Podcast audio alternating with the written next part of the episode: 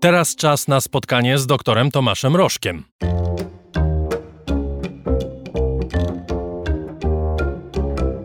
Rożek Urosiaka w raporcie. Witam Cię, Tomku. Rzadko rozmawiamy o technice wojskowej w naszym programie, ale tym razem chyba akurat warto i trzeba. Mam wrażenie. Takie czasy, niestety. Takie czasy nastały, tak. Mam wrażenie, że jeśli istnieje coś takiego jak cudowna broń w tej wojnie, to Ukraińcy ją posiadają i nawet piosenki o niej śpiewają. Прийшли окупанти до нас в Україну, форма новенька, воєнні машини, та трохи поплавився їх інвентар. Байрактар. Байрактар. Witam Cię, Tomku. Dzień dobry. To jest podobno ukraiński kandydat e, do festiwalu Eurowizji. Oczywiście żartem to mówię, takie ponoć plotki chodzą po Kijowie. Piosenka opowiada o tureckich dronach Bayraktar, które sieją zniszczenie w szeregach armii rosyjskiej. Kilka dni temu w sieci pojawił się taki słynny film, który do dziś robi furorę, ma kilka milionów odsłon, który mm, pokazuje, jak pocisk odpalony właśnie z Bayraktara trafia w rosyjski konwój.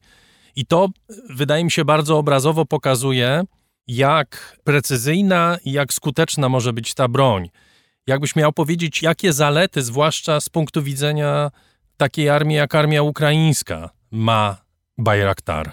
To jest trudne pytanie, dlatego że tak naprawdę wydaje mi się, że ta wojna, którą my teraz obserwujemy, to jest pierwsza taka wielkoskalowa, taka normalna, to jest złe może słowo, wojna, w której drony występują.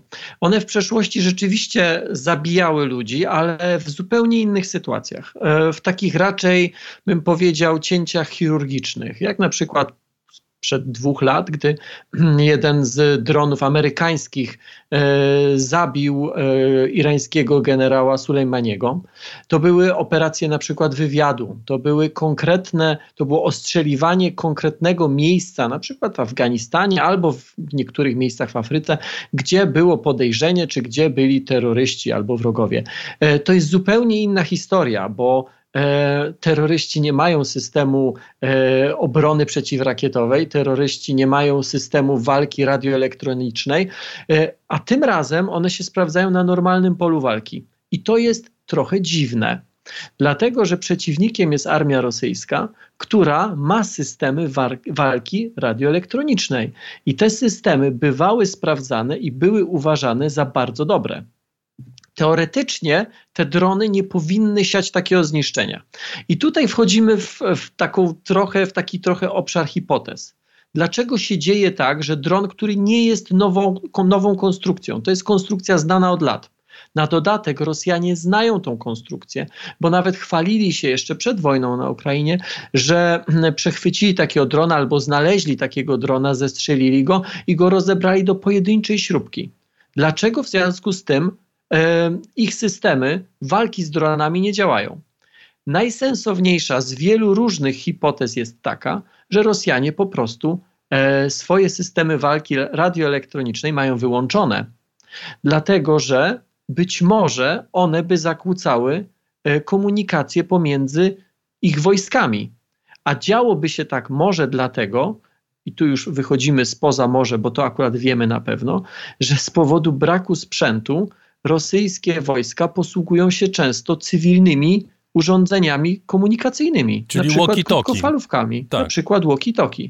Więc być może ktoś policzył, że dużo większa strata by była, gdyby były włączone te systemy walki um, elektronicznej, i wtedy nie byłoby w ogóle komunikacji pomiędzy wojskami rosyjskimi, niż to, że rzeczywiście 12, bo chyba Ukraina ma 12 w tym momencie bajraktarów, że one rzeczywiście niszczą, no już teraz w setkach, sprzęt wojskowy. Tomku, y, mówisz o tym, że drony istnieją i oczywiście Amerykanie też mają swoje drony, ale o ile mi wiadomo, one są słabsze niż te tureckie, to znaczy na przykład są znacznie cięższe. Tak. Nie wiem, czy też mogą operować z tak ogromnej wysokości jak Bajraktary. Bajraktary to jest um, połączenie kilku cech, które akurat w tej sytuacji działają na plus.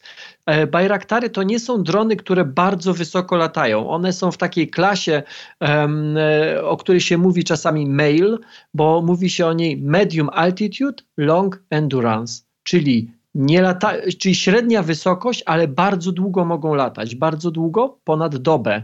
On ponad dobę dokładnie w specyfikacji jest napisanych 27 godzin, nie musi lądować.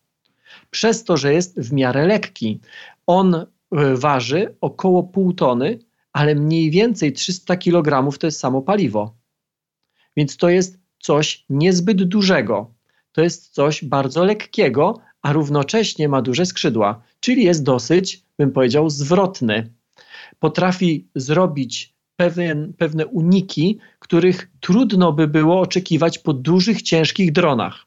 Oczywiście te drony amerykańskie, one potrafią na przykład Raptory, one potrafią latać na wysokościach kilkunastu nawet kilometrów, Bayraktary e, do 9 kilometrów latają. Mm, e, no, są lekkie, ale też nie mogą zbyt wiele amunicji nieść. Amerykański dron, ten o którym wspominałem, który e, zabił generała Sulejmaniego, e, jedna rakieta podwieszona, a on dwoma rakietami strzelił, jedna taka rakieta e, Hellfire waży 200 kg.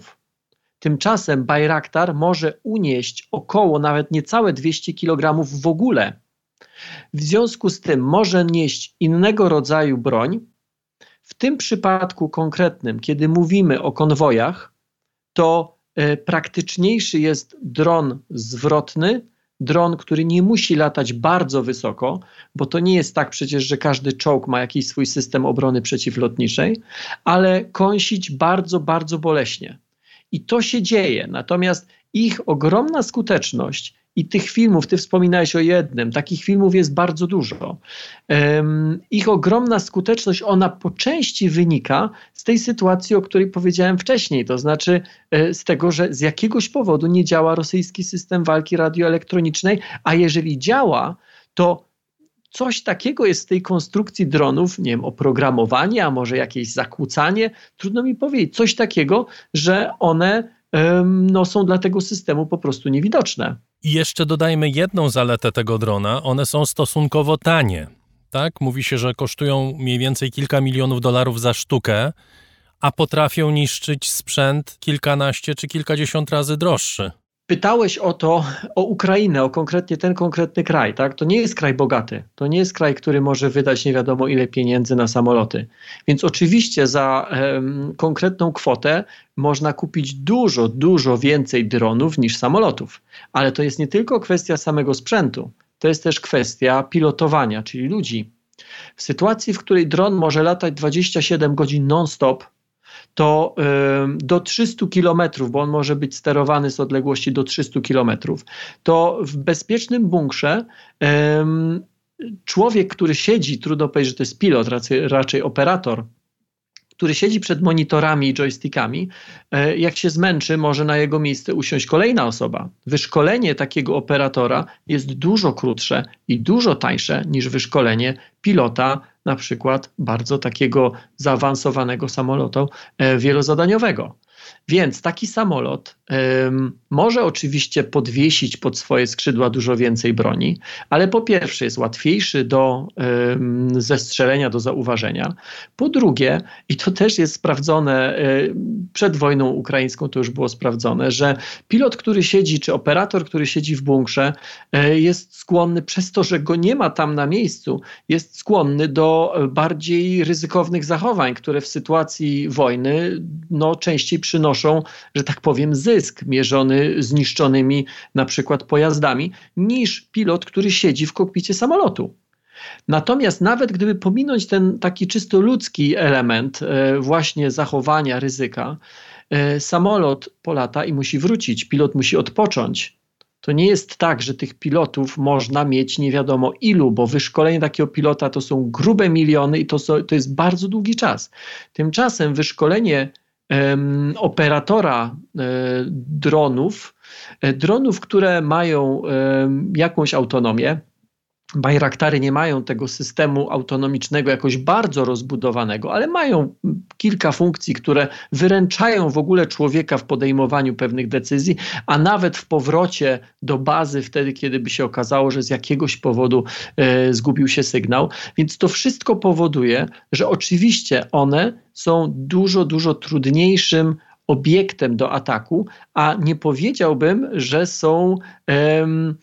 Ja, ja, czasami, ja czasami myślę, że one są tak, tak jak pszczoły, tak? Znaczy od jednego ukąszenia niewiele się stanie, jeśli ktoś nie ma alergii, ale jak tych ukąszeń zaczyna być dużo e, i jedno następuje po drugim, to dla armii to może być e, znaczący czynnik spowalniający. No dobrze, zrobiliśmy wspaniały PR firmie Baykar Technologies, produkującej te drony. Zresztą Turcja chyba ma dobry moment, jeśli właśnie chodzi o sprzedaż tej broni, bo te filmy, o których wspominaliśmy, pokazują mniej więcej, co owe drony potrafią zrobić, ale to jest broń, więc porozmawiajmy również o negatywnych skutkach jej użycia, bo one nie tylko są wykorzystywane w takiej wojnie, jak ta, która się toczy y, przez obrońców, przez ludzi, którzy bronią swojego kraju i swojej wolności, w zeszłym roku tak, te same drony były wykorzystywane przez rząd etiopski na przykład do niszczenia Tigrajczyków.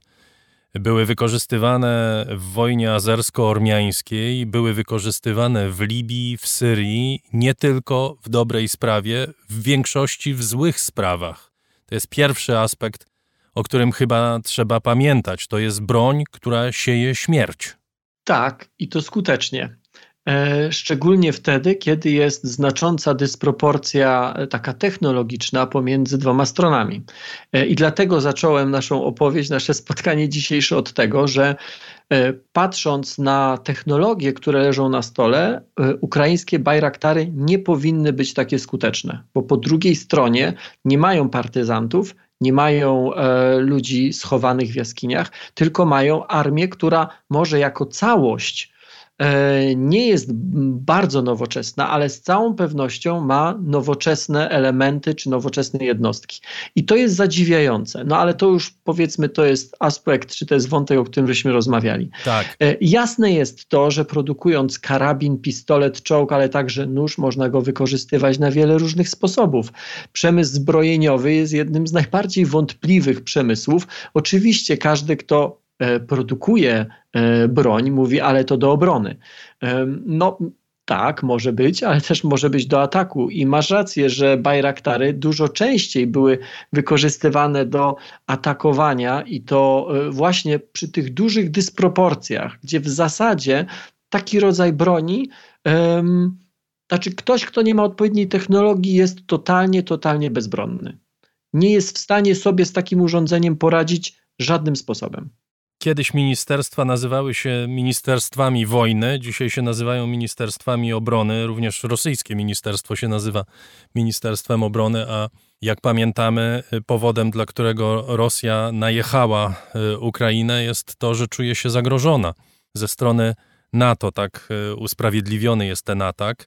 Ta wojna w ogóle opiera się w dużej mierze na PR, na informacji, jeszcze bardziej na dezinformacji Mówiliśmy zresztą o atakach hakerskich w tej y, audycji.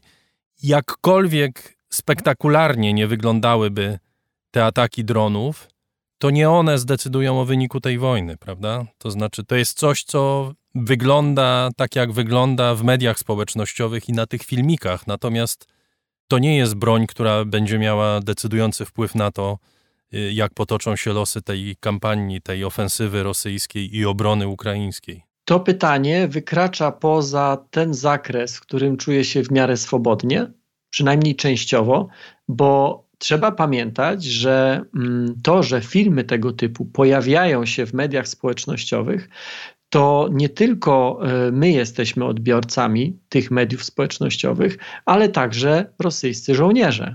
Więc e, nawet jeżeli na koniec dnia, jak się to mówi, Owszem, one będą źródłem pewnych strat, nawet znaczących, ale nie spowodują znaczącego przechylenia się szali na jedną czy na drugą stronę, to z całą pewnością mają wpływ na morale żołnierzy. I to szczególnie wtedy, kiedy wróg jest mały, zwinny, niewidoczny i nagle widzisz na ekranie swojego komputera, że jest kolumna samochodów, jest jeden duży błysk i zostaje, nie wiem, kupa bezkształtnych metalowych elementów, które są potopione, stopione, zniszczone kompletnie. To z całą pewnością i zresztą wielokrotnie w wielu miejscach już czytałem, że nie wiadomo, jak ta wojna się skończy, ale na takiej płaszczyźnie informacyjnej i PR-owej Ukraina bije Rosję na każdym polu.